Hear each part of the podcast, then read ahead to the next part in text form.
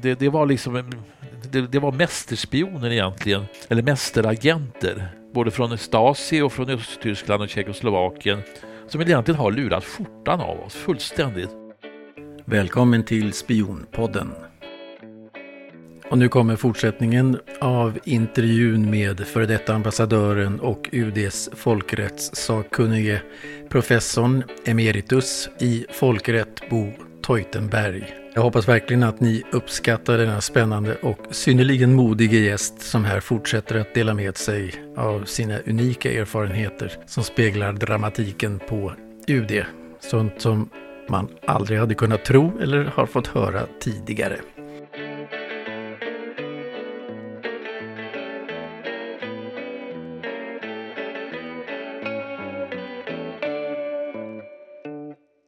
Men du, du återkommer ganska ofta till det här med, med KGB och eh, Pierre Schori och, och, du har bland annat skrivit ganska nyligen på webben att CIA har släppt några dokument om att Pierre Schori ställde sig bakom Sovjetunionens planer på en ja. militär invasion i Polen. I Polen ja.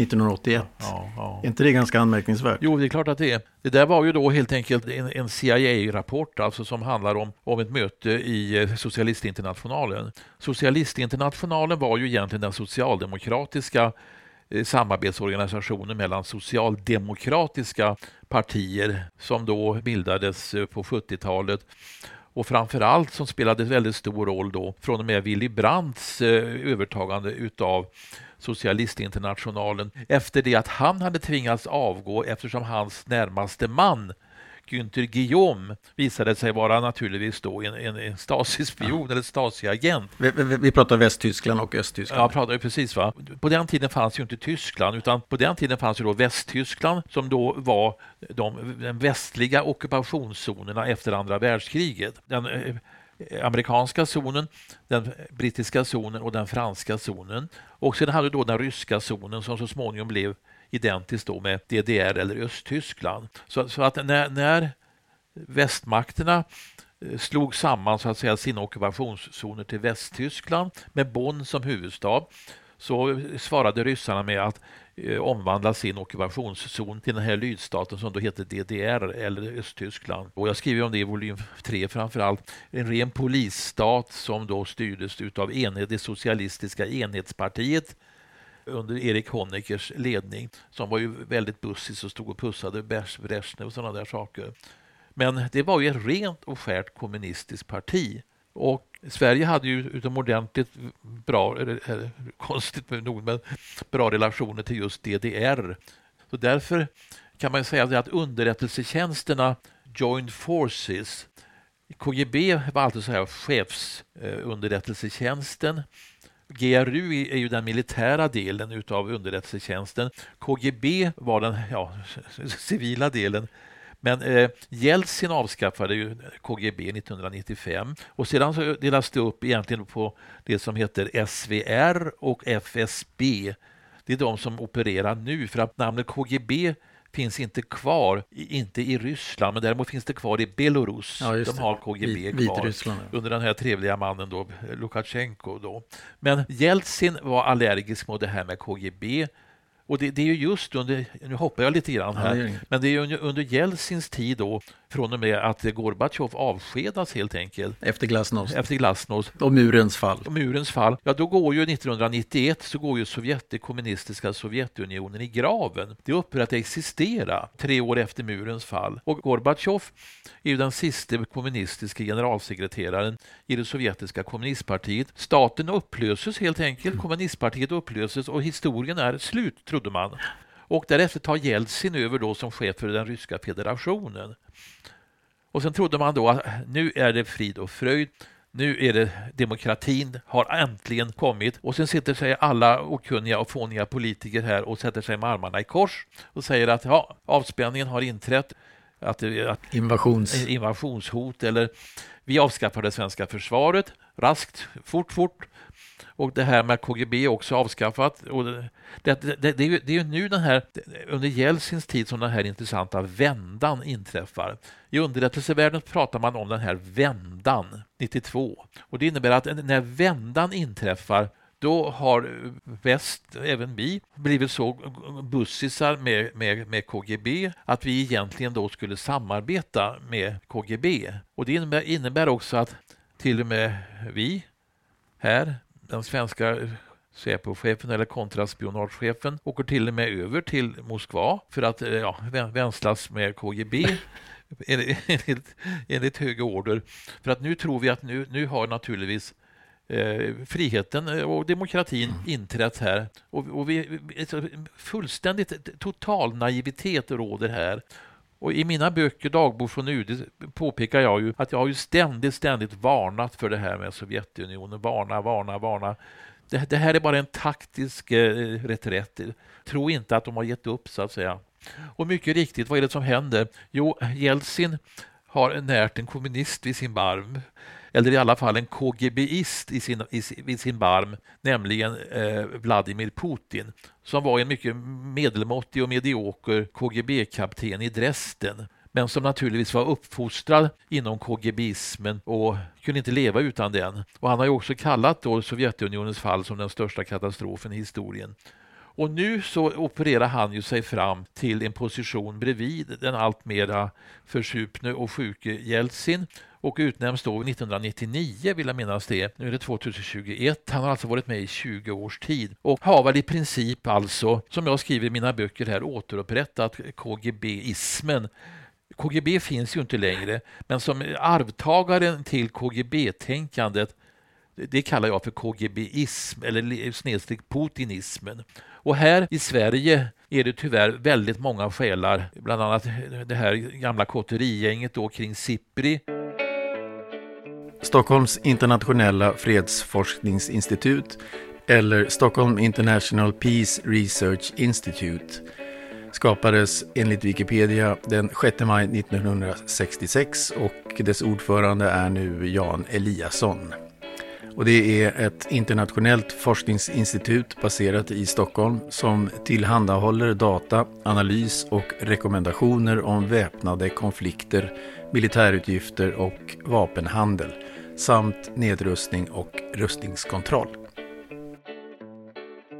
Och det här nedrustningsgänget då, Palmes pojkar, Ekeus, Schori eh, och, sen har också Hans Blix, min företrädare, har, har ju då gaddat sig samman här i någon form av pro-putinistisk eh, propagandafalang där de försöker då eh, blanda bort korten och försöker påskina här att det här med Nato är livsfarligt på något sätt. Vi ska vara goda, goda vänner med Putin istället. Trots att han då har den här dumma egenheten att han ockuperar lite eller annekterar andra länder och bitar av länder som Krim och för ett allmänt eh, bråkigt eh, umgänge med alla stater och bråkar till allting i, i trots mot FN-stadgan och folkrätten och Helsingforsprinciperna. Och jag som gammal doktrinär folkrättssakkunnig och folkrättsprofessor tycker ju att eh, jag, jag ser inte mellan fingrarna med sånt utan har man alltså en folkrättsförbrytare och förbrytare mot mänskliga rättigheterna och besudlad herre, då ska, inte, då ska inte Sverige hålla på med att försöka så att säga blidka en sån här herre, utan det gäller att välja väg mellan den demokratin och diktaturen. Det är det som är problemet här i Sverige med den här, framförallt med den här så kallade kolsuparteorin. Det var ju Östen Undén och Sverker Åström och Solman, Solstickan, eh, som var beteckningen på honom i, i Mittråkenarkivet. Man talar om, alltså om kolsuparteorin, alltså, vilket innebär då att den, and, den ene är lika god som den andra. Men enligt min uppfattning är det inte det. För att man kan inte säga som så, här har du en blodbesudlad diktatur, Stalin etc. etc. Här har du demokratin. Och säga vad du vill om USA och annat på något sätt med alla invektiv som vräks över dem. Men de är trots allt vad du än säger är det en sann demokrati som ändå har ingripit i två världskrig för att rädda de här galna européerna ifrån diktatorer av olika genrer, både nazister och kommunister. Du kan alltså inte göra som så att du sätter den ena ytterlighetsriktningen då i kommunismen, eh, diktaturen, demokratin, USA och säger det att all right, Kålsuparteorin, ni är lika hemska båda två. Och nu går vi 50-50 här och sen så eh, tar vi någon lösning mitt emellan. För det går inte, för du måste liksom ha en uppfattning om var hör du hemma?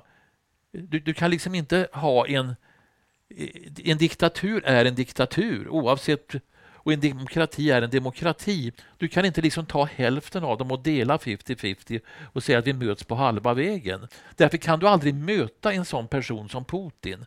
Du kan inte, inte möta en sån person som har då annekterat Krim och som hotar så att säga då Baltikum. Han, jag tycker, tror att han hotar också Sverige. Vi är det, som jag säger, det soft belly. Vi är inte med i NATO. Vi har ingen som försvarar oss. Vi har inget försvar heller för övrigt, för det har vi varit dumma nog att lägga ner. För skams skull försöker eh, försvarsministern Hultqvist i, i kamp mot det här radikalgänget då kring Schori och, och Wallström och Annika Söder försöker Hultqvist att säga lirka sig fram med USA, NATO och Finland men får, får, inte göra mer. Han får inte, han stoppas helt enkelt. Han tvingas ut i tvn här och stå och läsa på lappar eh, innantill för att anamma någon form av upprördhet över, över, över, över det här med, med, med NATO och annat medan han med andra handen så att säga absolut vill verka och samverka med NATO, precis som Palme gjorde. För Palme var faktiskt så att säga, alla tror att han så att säga var en KGB-agent och det är klart att hela hans entourage tillbaka, Schori etc. pushar honom hela tiden emot KGB. Framförallt i den här Palmekommissionen som tillsattes 1980. Men i själva verket innerst inne så var Palme så att säga en, en han var underrättelseofficer. Mm. Han tjänstgjorde i försvarsstaben. Han, han var egentligen NATO-vän, han var USA-vän, ja, till och med samarbetade med CIA. Här kommer alltså då hemligheterna kring Palme fram som då visar innerst inne att Palme inte var den personen som man allmänt trodde utan han var alltså en person som ja, man kanske möjligen kan beteckna som dubbelagent. Det här, det här kommer hans eh, socialdemokratiska vänner och partikollegor och hans entourage att förneka i all evighet. Nej, det var inte så. Han var från början, från sin konvertering till socialismen, var han en mönstergill socialist, men det var han inte. För att jag tror att han hade sin akilleshäl i sin egen bakgrund som underrättelseofficer, som förankrad i CIA och USA och eh, som förankrad i Erlanders realism. Det var Tage Erlander som kom på det här med de hemliga avtalen med NATO och USA 1952. Det är Erlander och hans försvarsministrar som skrev de här avtalen från 52 och 54 där man byggde upp det svenska försvaret, hela flygvapnet, hela till 60-centralerna. Hela, hela min tillvaro i flygvapnet från det jag var 23 år är byggd på de här Erlanderska basförutsättningarna att med, har byggts upp med västmaktsteknologi. Hela vårt försvar är uppbyggt kring detta. Vi var det fjärde starkaste flygvapnet på den tiden. När jag satt i de här centralerna och, och, och, och ja, jag gjorde vad jag skulle göra, jag säger inte vad, men vi hade 17 flygbaser att utgå ifrån. 17 flygbaser. Vi kunde starta från 17 flygbaser med, på en gång va? I, i, i försvaret av Sverige. Vi var till tänderna väpnad neutralitet. Till tänderna väpnad. Och idag? Ja, ja idag vi har väl en eller två flygflottiljer kvar, så vitt jag vet. Nu börjar vi naturligtvis kanske något rusta upp igen, men den upprustningen som nu pågår, här, här bråkar man då om 6 miljarder kronor till försvaret när vi har kört iväg 3 500 miljarder kronor i bistånd till andra länder på lite lösa boliner. Det här är inte, det här är inte seriöst alltså. Det innebär att vi, vi har alltså en falang här i Sverige, en gammal KGB-falang som fortfarande lever tyvärr. Jag är lika gammal som dem, va? Jag, men jag fyller, jag fyller 80 år nästa år. De andra fyller också 80 år. Och här, här slåss vi om historieskrivningen. Men, men vad, har, vad har nedläggningen av Sveriges försvar kostat egentligen? Och nu uppbyggnaden igen. Alltså, vad, vad, vad räknar man med? Jag tänker att det, det frågar jag mig också. För att jag var ju med om uppbyggnaden här. Att anlägga alla dessa dyra bergrum som var atombombsäkra på x antal olika platser i Sverige. Som skulle stå emot atombombsanfall. Va? Men hur många miljarder kostar inte det? Hur många nya flygbaser som vi så att säga byggde upp och inte bara det, vi, vi, vi byggde ju upp alla nya anläggningar och konstruktioner bara kanske något år eller två före vi la ner dem. Om du räknar med alla de okontrollerade pengar som har gått åt i biståndet, alla okontrollerade pengar som har getts via det här kontantöverföringssystemet. För att i, ja, i, i de här världen som vi, vi levde i, eller lever i, med underrättelsevärde och annat, så går det ju liksom inte att föra över pengar sådär via bankkontot, utan man fick ju åka iväg med en säck med pengar någonstans. Och det, det, det, detta var ju det, det sättet som, som de socialistiska eh, staterna fungerade på. Jag menar, det, det, gick, det gick inte att skicka över pengar till sydafrikanska ANC via eh, en bank då i den regim man tänkte liksom störta.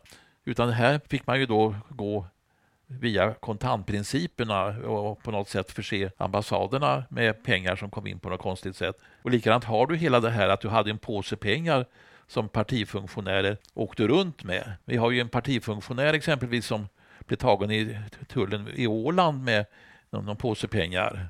Eh, eh, ja, och... Eh, är det något du kan prata om? Nej, eller? jag vet inte. Nej. Okay.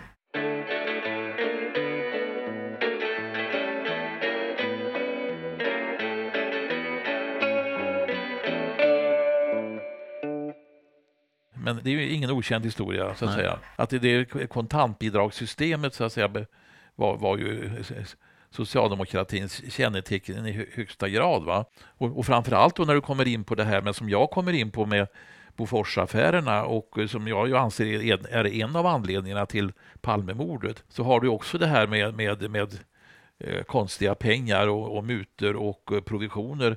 Och jag pekar ju på något sätt på att eh, Palme det, det, är inte bra att Sveriges statsminister, så att säga, även om han ville hjälpa Bofors till varje pris, och det gällde ju arbetstillfällen i Bergslagen, men det är inte alls bra när eh, två personer av Socialistinternationalen träffar varandra i New Delhi, Palme och Gandhi, Rajiv Gandhi, och sedan så ser man plötsligt eh, 326 miljoner sittande på Rajiv Gandhis konto på, i Schweiz banker. Det, det, är inte alls bra. va? Och jag, menar, jag, jag, jag, ser väldigt, väldigt många faktorer i själva Palmemordet som är att härleda liksom dels till Boforsaffären och dels till krut, krutsmugglingen till Iran framför allt. Och där, där Palme då dessutom hade påtagit sig rollen som medlare mellan Iran och Irak. Och det är ju inte riktigt bra liksom att den av FN utsedde medlaren av båda makterna beskylls för att förse motparten med vapen. Bland annat krutsmugglingen via Bofors då till, till, till Iran som ju är, som jag skriver väldigt mycket om för övrigt. Alltså. Jo, alltså det finns så otroligt mycket att prata om. Men om Palme-mordet, eh, Palme är ju ett av mina favoritämnen, men jag tycker vi lämnar det för den här gången. Och jag tänkte vi kunde gå in, det är väldigt mycket prat om, om KGB och vi har ju den här KGB-översten Oleg Gordjevski ja. som eh, går över till väst kan man säga. Ja. Och eh, avslöjar KGB-namnen Solstickan och Getingen. Och Getingen är ju ett sånt där namn som återkommit i mina öron i många, många, många år. Nu har det egentligen börjat komma fram vem det verkligen var. Ja. Vem var det? Nej, Getingen är Sverker Råström och Solstickan är Rolf Solman. Ja, så två stycken. Eh, ja, ja, berätta hur högt upp. Ja, alltså det, det, det, värsta tycker jag är eh, nu ska man naturligtvis inte kasta skit på döda personer här, men här pratar vi ändå om, om Sveriges historia och hur, hur, hur effektiv infiltrationen har varit. Va? Och man kan ju inte hjälpa på något sätt att, eh, att eh, alltså, ska man komma fram med den historiska forskningen så, så, så, så blir det några krossade ägg. Sverker Åström är ju nestorn i den svenska diplomatin och har ju egentligen alltid, vill jag på att säga, stått i förgrunden för svensk diplomati ända fram till det att han i 97 års ålder 2012 avled. Än, ännu då spelade en stor roll så att säga som framförallt socialdemokratins och Palmes personliga rådgivare långt efter det att han hade gått, i, gått ur tjänst. Mm. Vilket han gjorde 1982 vill jag minnas redan eh, som ambassadör i Paris jag tror det var 82. Ja, 82. Och eh, han har ju då som chef för politiska avdelningen och som kabinettssekreterare och som chef för politiska avdelningen redan under Östen Undéns tid spelat en avgörande roll i den svenska Sovjetpolitiken och neutralitetspolitiken. Det finns ju ingen person egentligen som har haft större inflytande i utformningen av den svenska Sovjet och neutralitetspolitiken. Vid sidan om naturligtvis då Rolf Solman som då har varit svensk ambassadör i 17 år i Moskva under, under Östen Undén. Redan Östen Undén, eh, som ju blev utrikesminister efter andra världskrigets slut 1945, var ju alltså en socialistisk, marxistiskt inställd professor egentligen. Han var ju professor i Uppsala universitet och, och, han var professor i civilrätt och internationell privaträtt, men dock inte i folkrätt. Men ändå så kom han då under 25 eller 26 års tid att inneha formellt sett rollen som folkrättssakkunnig i svenska UD. Så att jag har alltså innehaft samma funktion som Undén innehade när han inte var utrikesminister. Men du, du nämner, du nämner men, men, men Undén är inte getingen och solstickan. Det, det, Nej, vad jag vill komma fram till är bara det att, att, den, att den redan så att säga pro-sovjetiske prorevolutionäre Undén får som närmsta medarbetare A. Sverker Åström och B. så att säga Solman. Och det, det, det är det här, de här tre herrarna som huvudsakligen utformar svensk utrikespolitik. Östen Undén med sin neutralitetspolitik understödd då av Sverker Åström som jag menar så att säga då och jag har faktiskt tagit in då även eh, avskrifter av spionpolisen Otto Danielssons personliga dagboksanteckningar där det är fullständigt 100 procent klart att han menar att getingen är, är Sverker Åström. Och likadant så har du ju de här... För... Och de snabbförflyttas från sina poster ja, 64. Ja, jag har gått igenom Tage Erlanders samtliga dagböcker sida för sida. Och det intressanta är att problemen, eh, getingen och solstickan, behandlas alltså i regeringen Erlander, alltifrån misstankarna då med Wennerström kring 62, Stig Wennerström. Stig Wennerström ja, precis. 62, 63. Då behandlar eh, regeringen, Erlander, de här så att säga, de riskerna som då finns också med, med herrarna Åström och Solman som är Getingen och Solstickan. Och det är alltså KGBs eh... Ja, det är KGBs eh, agenter så att säga i Sverige. Som kallar dem Getingen och Solstickan? Alltså KGBs benämning Getingen, det, det, vet vi ingenting om. Okay. Men däremot vet vi från Mitrokkenarkivet att eh, är ju den gamle KGB-arkivarien Mitrockens arkiv. Och det var ju aldrig tanken på att det skulle komma ut till allmän kännedom. Mitrockenarkivet i, i Cambridge, det är ju en förteckning på alla hemliga agenter som KGB hade. Och det var ju minsann inte avsikten att det skulle bli känt. Men den här listige arkivarie Mitrokhin, han... Arkivarien. Arkivarie Mitrokhin, vid en förflyttning av KGB-arkivet från Ljubljanka-fängelset till någon modernare byggnad, så flyttar man pärmar då och då. Och Hermitroken hade då den egenheten att han skrev av allting som en framtida kanske försäkran. Så att alla KGB-agenter överhuvudtaget över hela världen finns alltså listade i det här arkivet. Och det fördes då över på, på eh, faktiskt efter Sovjetunionens fall.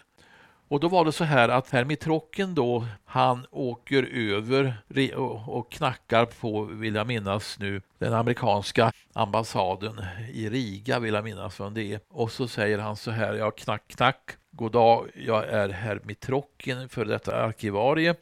Har ni något intresse av KGB-anteckningar som jag har här? Och då säger amerikanen, nej det har vi inte. Det, det, det, det, vi har så mycket sånt där så det, det, skiter vi i.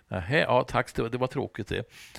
Och så går han över gatan. Ja, nu, nu, nu driver jag lite med ja, det. Nu går han över gatan så knackar han på brittiska ambassaden och eh, säger samma sak där. God dag, jag heter Hermit Trocken. Jag har lite ja, anteckningar om KGB-agenter här. Är ni intresserade? Jaha, mm -hmm. säger då eh, MI6-representanten där. MI6 är ju underrättelsetjänsten. Ja, det var ju intressant det här och eh, tar in Hermit Hermitrokin och börjar prata med honom. Och de gör ju alltså världens fynd. Genom så att säga då, eh, det här är ju under Sovjetunionens upplösning. Mm. Frågan är, uppkommer då hur i 17 få över de här, det, det, det är 25 000 filer liksom, hur ska man få över, få över allt detta? Det här finns beskrivet, men på något sätt så lyckades alltså MI6 föra över hela arkivet, inklusive Hermitrokin och hans familj, till England. Och där så härbärgerar man hela arkivet vid Churchill College så småningom i Cambridge. Och här skrivs så här massa lärda böcker om Mitrokin-arkivet tillsammans med en professor, en engelsk professor som heter professor eh, Christopher Andrew heter han. Christopher Andrew. Ja, Professor För att eh, Mitrockens enda önskan är att han har tagit med det här arkivet för att visa då för omvärlden den jävliga regimen som den här kommunistregimen utgjorde och vill gärna avslöja de namn som gick så att säga då kommunistregimen till, till, till, till mötes. Så att han, hans primära önskan det var ju helt enkelt att det här arkivet skulle bli tillgängligt för så många som möjligt. Och då skriver man tillsammans med Christopher Andrews så skriver han då ett antal tjocka lärda verk om, om Mitrockenarkivet. De böckerna är jättebra. Det är bara det att eh, Skandinavien eh, lyser huvudsakligen med sin frånvaro. Mm. Det finns ingen som har tittat på det. Men det finns? Ja, jo, ja. Mm. Och det, det, det, märkliga är att eh, ja, även om det finns några inslag i svensk press som Mitrokin och KGB-agenter och där, så är det ju en påfallande ointresse från svenska pressen och även den svenska officiella sidan att hålla på och titta i de här dumma arkiven. Det gäller också Stasi-arkiven. De innehåller bara en massa fåniga namn som man inte gärna vill ha, så att säga. Det kommer till allmän kännedom. Jag, jag vill ju påstå det att intresset för både KGB-arkivet som finns i Cambridge och de här Stasi-arkiven som trots allt finns en mass via den här eh, nyinrättade eh, tyska myndigheten då, eh, som, där, där, man kan helt enkelt... Eh, men tyskarna har ju gått mycket noggrant tillväga, tillväga och, och, och sammanställer ju alla gamla Stasi-dokument genom den här tyska upprättade myndigheten, BST heter den. Så där kan man gå in och beställa de dokument man, man, man vill ifrån Stasi. Jag har gjort detta tillsammans med Svante Winqvist som är den före detta IB-agenten. Och vi två var ju tillsammans, han och jag, i Cambridge då 1917. Nej, inte 1917. 2017. 1917 var vi där. Nej. Du gav Lenin hatten. Ja, han är ju före detta IB-agent som du vet och har jagat KGB-herrar. Gäst hos mig också flera gånger. Och eh, vi satt där och läste de här tillsammans också med en, en rysk översättarinna. Vi hade nog med oss en 300-400. Men det, det roliga är att man får, man får gärna titta på dem och man får gärna ta foto på dem, men man får inte publicera det hela utan speciella omständigheter, vilket, vilket jag har gjort i flera fall här, men jag anser mig ha tillstånd till det. Men de är skrivna på ryska och där, där hittar du alltså en, en, en hel del intressanta... Eh, du, du hittar egentligen alla KGB-agenter. Mm.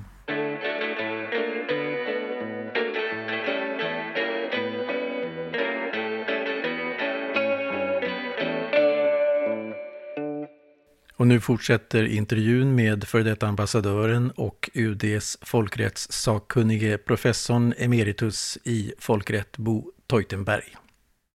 Nämn några svenska som du har Ja, hittat. jag gjorde ju då så att jag i den här boken Dagbok från UD, volym 5, så inlade jag här på eh, bilaga, bilaga... Det är en ganska tjock tegelsten där. Ja, det är en tegelsten det här. men den är fantastisk. Många bilaga, roliga bilder. Bilaga bilaga 4 är det. Här har du all, alla de svenska, ja alla, alla, det kan hända att vi har missat några. Men här är personer då med, med, med kodnamn som eh, har, har eh, gått KGB tillhanda här. Även, även då svenska diplomater. Till exempel kodnamnet Tor, svensk medborgare. Karabloff heter Kai Holmberg, eh, finsk medborgare, född i Tammisvaari, flyttade till Sverige från Finland.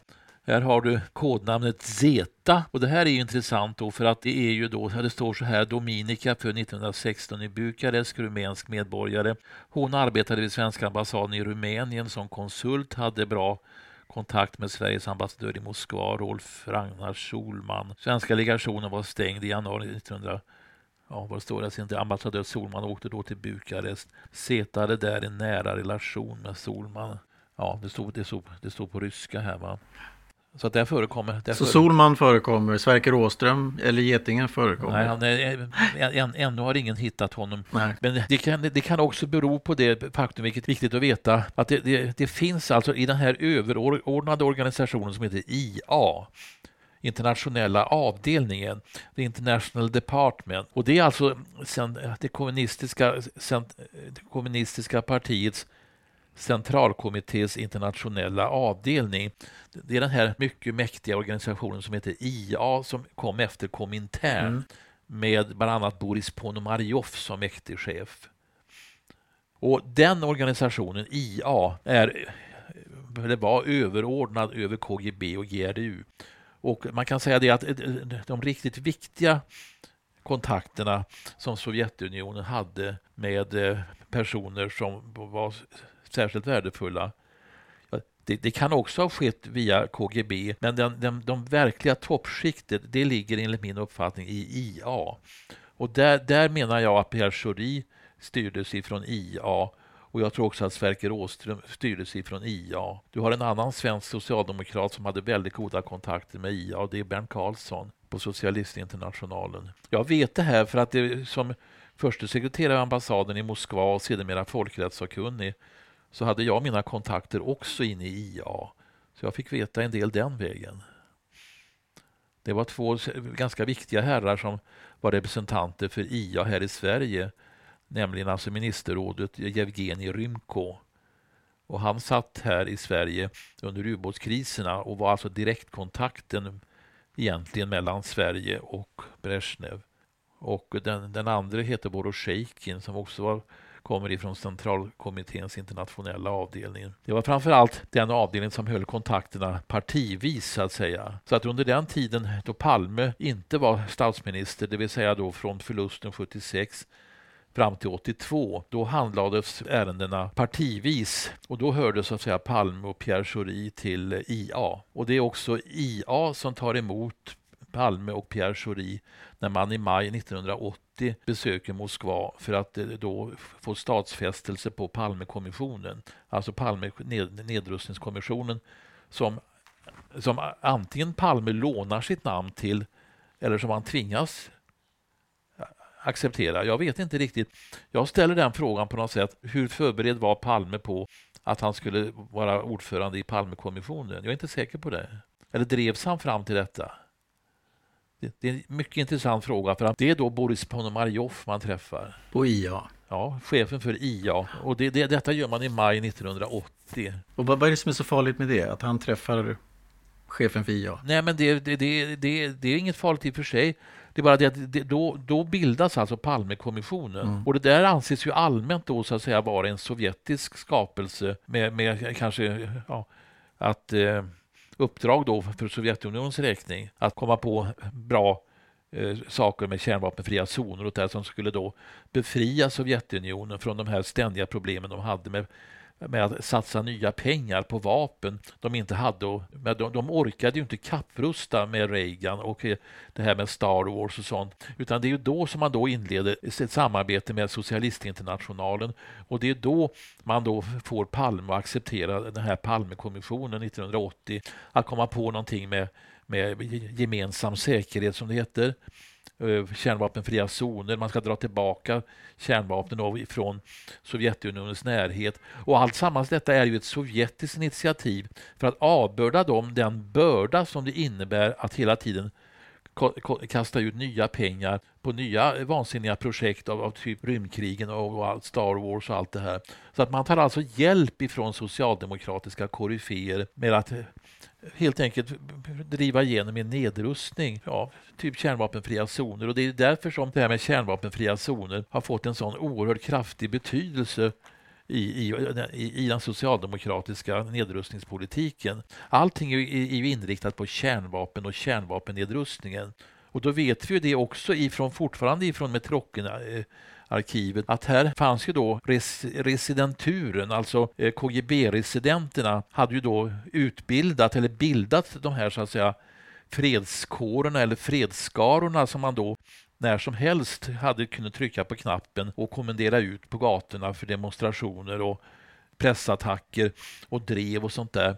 Så här, här finns det alltså en hel organisation då som lyder under residen, residenturen. Så att residenten här i Stockholm kunde bara trycka på en knapp ute i de här eh, vänsterrörelserna och kunde beordra ut demonstrationer på gatorna. Och det, det, detta är ju då ett, ett, ett eh, intressant form av direktingripande i en stats eh, inre angelägenheter eftersom man kunde då trycka på en knapp här och beordra ut ett gäng skrikiga demonstranter som skulle stå någonstans då på någon strategisk plats och ropa fred och, och, och attackera exempelvis eh, motståndare på olika sätt. Och det är det belagt alltså i, i de här, har, det finns här i mina böcker det är framförallt liksom då den socialdemokratiska kvinnorörelsen och fredsrörelsen och jag tror också så småningom det här har gått över då numera till allmänna då mer samhällssönderbrytande, eh, om man så får uttrycka mig, eh, aktiviteter. Men det, det är ju så att enligt, enligt eh, manualerna i, i eh, KGB och Stasi så angriper man ju i första hand så att säga fundamenten i västerlandets eh, strukturer. Det är ju tronen, kyrkan och skolan. Va? Man angriper så att säga de här fundamenten först för att, så att säga, undanröja de, de statliga höghetsfunktionerna. Tronen, och det har vi 1974 års författning exempelvis som kom i Sverige. Torekov. Torekov-kompromissen då sossarna hade 50 procent. Och det där ser, ser jag som en eller det vet jag, det är en mycket, mycket stark så att säga, påtryckning ifrån framförallt så att säga, DDR Stasi. Jag tror att vad, vad, vad väldigt många utav vänsterentouraget eh, ville, det var att se en liknande utveckling i Sverige, alltså mot en socialistisk folkrepublik. Och därmed har du också det här med löntagarfonder och facklig makt och Sen hade då skolan som då eh, undermineras då på, på, på Stasi-vis också kyrkan, 68-kyrkan. Det är en väldig diskussion i pressen nu, nu här om eh, den här boken som Johan Sundén har skrivit om, om, om 68-kyrkan. Eh, om Anders Nilssons eh, bok också om de här afrikan krigen i södra Afrika och så vidare. Så man ser liksom hela tendenserna eh, Eh, då efter 68 så är, det ju nedrivande tendenser och det, här fanns ju då akademier, så att säga. du hade ju Stasiakademin i Potsdam, du hade Dzerzjinska akademin i Moskva som sitter och tänker långsiktigt, långsiktigt, långsiktigt framöver, västs öde helt enkelt. För de, de, de ger aldrig upp den här ursprungliga eh, idékonstruktionen med världsrevolutionen ska segra. Man hittar på helt enkelt nya begrepp in, inom kommunismen, socialismen. Och jag, jag, jag, vet genom egna studier på något sätt att när Sovjetunionen föll 1991 så utsåg man så att säga här Sverige, det bland annat säger också Gordievskij, KGB-avhopparen. KGB-avhopparen. Ja, han var egentligen så här dubbelspion. Va? Han, var, han var ju dubbelagent med MI6 eh, KGB. Han säger ju uttryckligen det på något sätt att eh, här eh, när, när Sovjetunionen då föll så överfördes mycket resurser till just Sverige eftersom man ansåg liksom att Sverige var det land som hade de bästa förutsättningarna för att förvalta en långsiktig återuppbyggnad av så att säga, socialismen eller neokommunismen som man kallar den för. då. En ny, nykommunism. Va? Och det är ju lite grann det, det man ser kanske här Nooshi Dogastars eh, framgångar här, häromdagen då. Att vad, vad, vad, vad menas med det här? Är det någon form av, hon har 12 procent nu, är det någon form av neokommunistisk maktövertagande, maktuppbyggnad här i en ny generation som tar över från de här gamla trötta betongsossarna. För, för allt, allt sammans ligger i kort så att säga i Stasiakademin och Dzerzjinska akademin, där har man ett ständigt tänkande, hade ett ständigt tänkande, där också det här med energi och miljörörelsen kommer in. Jag menar, vi har ju hela det här Nord Stream-projektet där. För det första så går Gasledningen. Det, gasledningarna. För det, I Östersjön. ja, för det första så går, går det ju oljeledningar. Oljeledningar går från flera eh, ryska oljekällor så att säga direkt in då till olika eh, stationer i, i, i Västeuropa. De är en väldigt viktig inkomstkälla för Putins Ryssland. Sedan har du också den här nya eh, eh, Nord Stream, både ettan och tvåan, som Sverige dumt nog har gett tillstånd till. Och det är ju då helt enkelt för att eh, kunna förse framförallt Tyskland då med gas från Putin. Och därmed har egentligen så att säga Putin har lyckats sätta sig på sätta sig på energitillgångarna i Västeuropa. Jag menar, man har tagit bort kolet, man tar bort kärnkraften och vad har man då kvar? Jo, man har Putins oljeledningar som kan stängas av och du har gasledningar som kan stängas av som politiska påtryckningar. Och sedan har du framför... Det har han ju redan gjort mot Ukraina. Ja, precis. Och sedan har du ytterligare en väldigt viktig faktor här, nämligen att den enda nationen egentligen som kan har de tekniska kapaciteterna att ganska omgående bygga kärnkraftverk, det är ju ryssarna. Det är de som bygger de, tror jag, kärnkraftverket i, i Finland. Och om det är så att man vill återgå till kärnkraft när man då märker att det här med vind och vatten inte, inte fungerar, ja då får man vända sig till Putin. Så att Putin sitter alltså eh, nu, den här KGB-mannen, Eh, sitter på oljetillförseln, gastillförseln och kärnkraft, eh, om det nu skulle bli aktuellt att bygga kärnkraftverk. För att kärnkraftsteknologin är så numera, den är bortglömd och under, underminerad. Så att Asea-Atom som förr i tiden kunde smälta upp ett kärnkraftverk eh, på nolltid. De kan inte det längre, så vitt jag vet. Jag är ingen kärnkraftexpert. Men det är egentligen Putin som, konstigt nog, utan att någon egentligen har uppmärksammat det hela, det är gömt bakom miljörörelsen. Det här är gömt bakom allting. Det här har skett i, i smyg, mm. i skymundan. Samtidigt som man då har mutat naturligtvis då ett antal uh, tyska politiker med fantastiska styrelse löner då i det här Nord Stream och annat. Jag ska, inte nämna några namn här. Men han, han har ju köpt sig makt och inflytande genom att se till att väldigt många politiker i väst har fått väldigt, väldigt mycket pengar via de här eh, ja, ryska energiapparaten. Så här sitter alltså egentligen Putin på en väldigt, väldigt, hela energifaktorn egentligen vad, vad avser hela Västeuropa.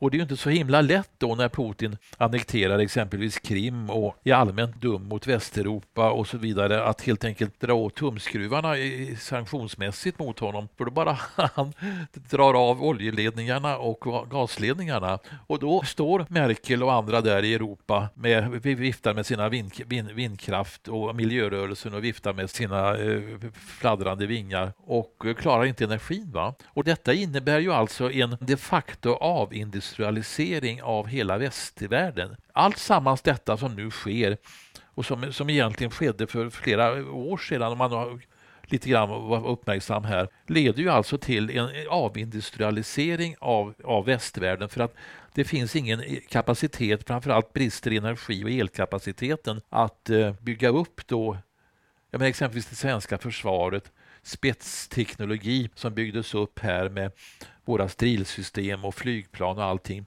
Jag menar, det går inte längre. Vi, vi, vi, menar, företagen sitter någon annanstans. Och snart har vi ingen energi. Jag har läst att man skulle till och med flytta något bageri från någon plats där det inte finns ström, bara någon annanstans då. Men det är ju fullständigt vansinne det här egentligen.